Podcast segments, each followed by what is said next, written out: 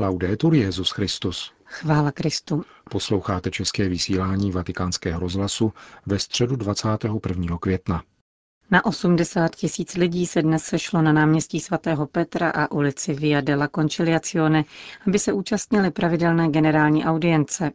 Papež František pokračoval v cyklu katechezí o darech Ducha Svatého a tentokrát se věnoval daru, který bývá označován jako poznání, vědění či umění. Cari fratelli e sorelle, buongiorno. Dobrý den, drazí bratři a sestry. Oggi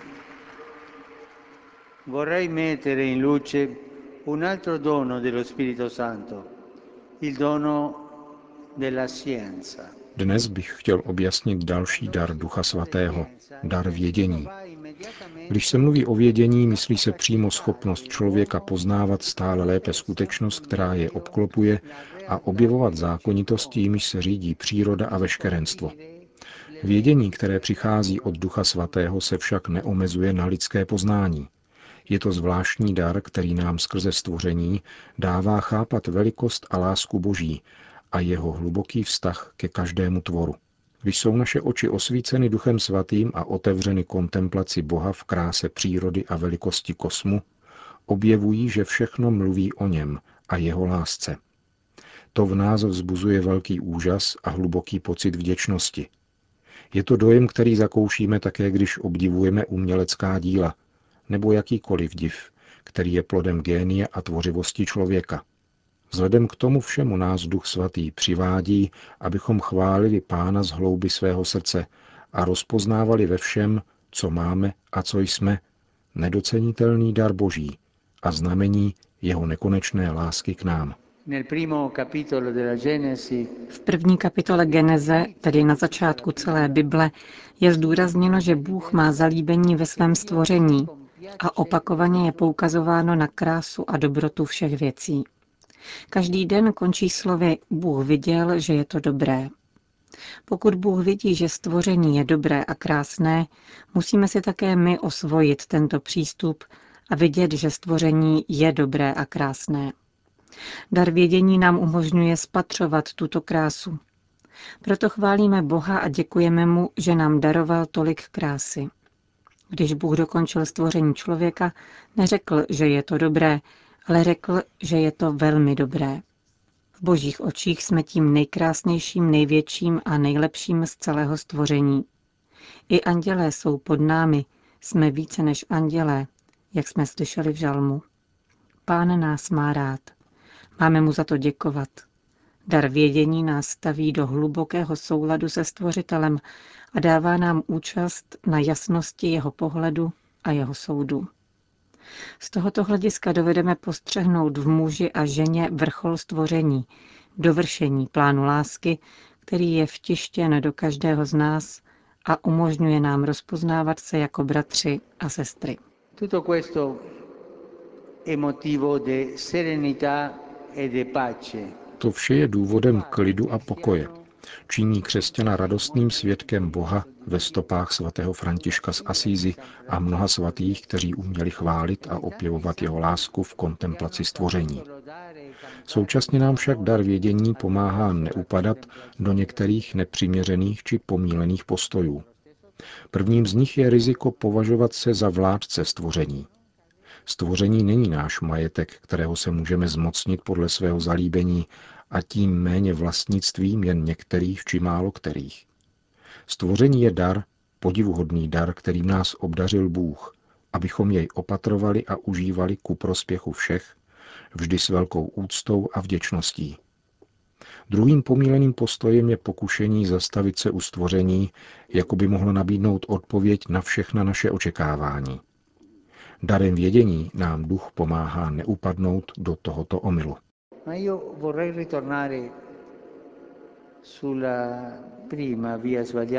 Chtěl bych se však ještě vrátit k té první pomílené cestě, kde je stvoření opanováno místo opatrováno. Musíme stvoření opatrovat, poněvadž je darem, který nám daroval Pán, božím darem, a my jsme opatrovníky stvoření. Když vykořistujeme stvoření, ničíme znamení boží lásky. Ničit stvoření znamená říkat Bohu, nelíbí se mi. A to není dobré, to je hřích. Opatrovat stvoření znamená pečovat o dar Boží a říkat Bohu, děkuji, opatruji stvoření, aby rostlo, nikoli proto, abych ničil tvůj dar. Toto musí být náš postoj ve vztahu ke stvoření, tedy pečovat o ně, neboť budeme-li stvoření ničit, zničí stvoření nás. eh. Nezapomínejme na to. Una volta Jednou na venkově jsem zaslechl, jak jeden prostý člověk, jenž měl velmi rád květiny, o které pečoval, řekl, musíme pečovat o tyto krásné věci, které nám dal Bůh. Stvoření je pro nás, abychom z něho měli užitek, nikoli proto, abychom je vykořišťovali, nýbrž opatrovali, protože Bůh nám odpouští vždycky. My odpouštíme někdy, ale stvoření neodpouští nikdy. Pokud jej nebudeš opatrovat, zničí tě. Měli bychom se nad tím zamyslet a prosit Ducha Svatého o dar vědění, abychom dobře chápali, že stvoření je nejkrásnějším darem Božím. Bůh učinil mnoho krásného pro to nejkrásnější, jímž je člověk. To byla katecheze papeže Františka, který pak v závěru generální audience obrátil pozornost k některým aktuálním událostem. Mio pensiero Myslím znovu na obyvatele Bosny a Hercegoviny a Srbska, těžce zkoušené záplavami a povodněmi, které přinesly ztráty na lidských životech, bezpočet evakuovaných a nezměrné škody. Situace se bohužel ještě více zkomplikovala a proto vás vybízím, abyste se spolu se mnou spojili v modlitbě za oběti a všechny lidi zkoušené touto kalamitou. Kéž se těmto našim bratřím dostane solidarity a konkrétní pomoci mezinárodního společenství. Pomodleme se všichni za tyto obyvatele. Zdráva s Maria. Ave o Maria, piena di grazia, Potom svatý otec připomněl blížící se mariánský svátek, který je dnem modlitby za Čínu. il 24 maggio ricorre la memoria liturgica Na 24. květen připadá liturgická připomínka Pany Marie pomocnice křesťanů, vroucně uctívané ve svatyni Šešan v Šanghaji. Žádám všechny věřící o modlitbu, aby pod ochranou Matky Pomocnice čínští katolíci nadále věřili, doufali a milovali a byli za každých okolností uprostřed svých spoluobčanů kvasem harmonického soužití. Nakonec papež František upozornil na nadcházející pouť do svaté země. Sempre sabato prossimo Tuto sobotu se vydám na cestu do svaté země, Ježíšovy země. Bude to cesta striktně náboženská. Prvním motivem je setkání s mým bratrem Bartolomějem I. u příležitosti 50. výročí setkání Pavla VI. a Atenagora I. Petra a Ondřej se tak setkají po druhé a to je krásné. Druhým motivem je modlitba za mír v oné zemi, která tolik trpí. Prosím vás o modlitbu za tuto cestu. di pregare per questo viaggio. Po společné modlitbě odčenáš pak Petrův nástupce všem požehnal. Domino Hoviscum, et cum spiritu tuo, sit nomen Domini benedictum, et hoc nunc et usque in seculum, aiutorium nostrum in nomine Domini, qui fece celum et terram, benedicat vos omnipotens Deus, Pater et Filius et Spiritus Sanctus. Amen.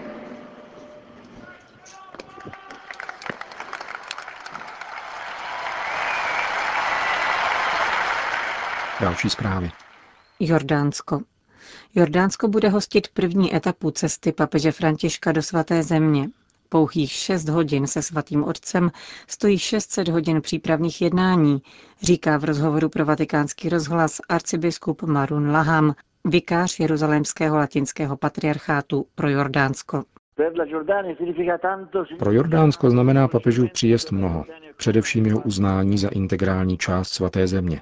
Je to už čtvrtý papež, který zahajuje cestu do svaté země právě v Jordánsku. Zároveň je návštěva potvrzením, že se křesťansko-islámský dialog dobře rozvíjí. Třeba říci, že v naší zemi není náboženský fanatismus. Dialog probíhá na různých úrovních, od každodenního dialogu daného soužitím s muslimy po dialog mezi intelektuály. Křesťané a muslimové žijí vedle sebe dobře, i když všechno se mění, pokud jde o manželství. Smíšená manželství nejsou dobře viděna. Co znamená pro Jordánsko přítomnost statisíců uprchlíků jiných národností? Materiální, sociální, ekonomickou a morální zátěž. Nemůžeme zavřít hranice se Sýrií, ale nemůžeme ani přijímat další uprchlíky. Syrských uprchlíků je už milion dvěstě tisíc a nás je 6 milionů. Představte si, co by znamenalo, kdyby do Itálie přišlo 20 milionů uprchlíků. Dodává k nelehké situaci v regionu patriarchální vikář pro Jordánsko arcibiskup Marun Laham. Vatikán. Mezináboženský dialog nemá vést k relativizaci křesťanské víry, píše papež František v poselství u příležitosti 50. výročí Vatikánského úřadu, který má na starost rozvíjení kontaktů s jinými náboženstvími. Svatý otec připomíná, že úkol této papežské rady byl už od jejího založení Pavlem VI. zřejmý. Rozvíjet mezináboženský dialog neznamená zříkat se hluboké touhy hlásat všem radost ze setkání s Kristem. František připomíná, že k ustanovení sekretariátu pro nekřesťany, který byl předchůdcem současné papežské rady pro mezináboženský dialog, došlo v kontextu druhého vatikánského koncilu, kdy se církev nechávala vést upřímnou touhou po setkání a dialogu s celým lidstvem. Svatý otec dodává, že stejně tak i dnes chce církev doprovázet každého člověka po vzoru Krista doprovázejícího učedníky do Emaus. Tato připravenost kráčet společně je ještě nezbytnější v dnešních časech poznamenaných vzdalováním se lidí různých národů a kultur. František ujišťuje, že se církev bude vždy angažovat v dialogu a usilovat o úzkou spolupráci se všemi, kdo sdílejí její vůli budovat přátelské vztahy. Vatikán. Obchod s živým zbožím nepřestává sílit. V některých částech světa je dokonce výnosnější než obchod s narkotiky. Odhaduje se, že zisky obchodníků překračují 32 miliard dolarů ročně. O těchto dramatických faktech se hovořilo na konferenci prezentující ve Vatikánu projekt, jehož moto vybízí k vykročení z bludného kruhu obchodu s lidmi. Iniciativa je spojena se zahájením fotbalového mistrovství světa v Brazílii. Zaštiťuje ji organizace Talita Kum, podle Ježíšových slov, která probudila k životu Jairovu dceru. Jde o celosvětovou síť řeholníků zapojených do boje proti obchodu s lidmi.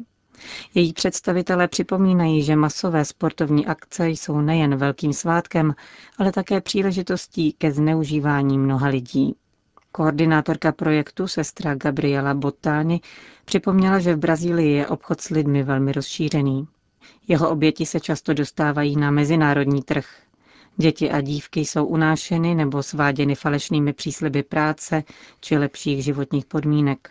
Fotbalové mistrovství světa neznamená jen značný nárůst sexuálních nevolníků, ale také vzhledem k většímu přílivu lidí příležitost k nelegálním adopcím nebo k obchodu s orgány k transplantacím. Celosvětová řeholní síť boje proti obchodu s lidmi se zaměřuje na poskytování informací a vytváření obecného povědomí o tomto druhu kriminality. Zřídila rovněž zvláštní zelenou linku, na které je možné hlásit případy vykořišťování či žádat o konkrétní pomoc. Akci podpořil brazilský episkopát, který svou poslední kampaň bratrství věnoval právě bolestnému problému obchodu s lidmi. Papež František označil tento obchod za otevřenou ránu naší současnosti. Itálie. Tovaristvo Ježíšovo se na konci roku 2016 sejde ke 36. generální kongregaci. Generální představený jezuitského řádu otec Adolfo Nikolás to oznámil dopisem, který nese úterní datum. Důvodem svolání generální kongregace je Nikolásovo rozhodnutí rezignovat na svůj úřad. Španělskému jezuitovi bude v době svolání nejvyššího řídícího orgánu tovaristva rovných 80 let. Jak protýká ve svém listě, svůj úmysl konzultoval v rámci řádu i se svatým otcem Františkem. Do doby, než generální kongregace přijme jeho rezignaci, zůstává otec Adolfo Nikolás generálním představeným tovaristva se všemi svými pravomocemi. Generální představený tovaristva je volen do konce života, ale konstituce řádu umožňují, aby se svého úřadu vzdal. Učinil tak rovněž Nikolásův předchůdce. Končíme české vysílání vatikánského rozhlasu. Chvála Kristu. Laudetur Jezus Christus.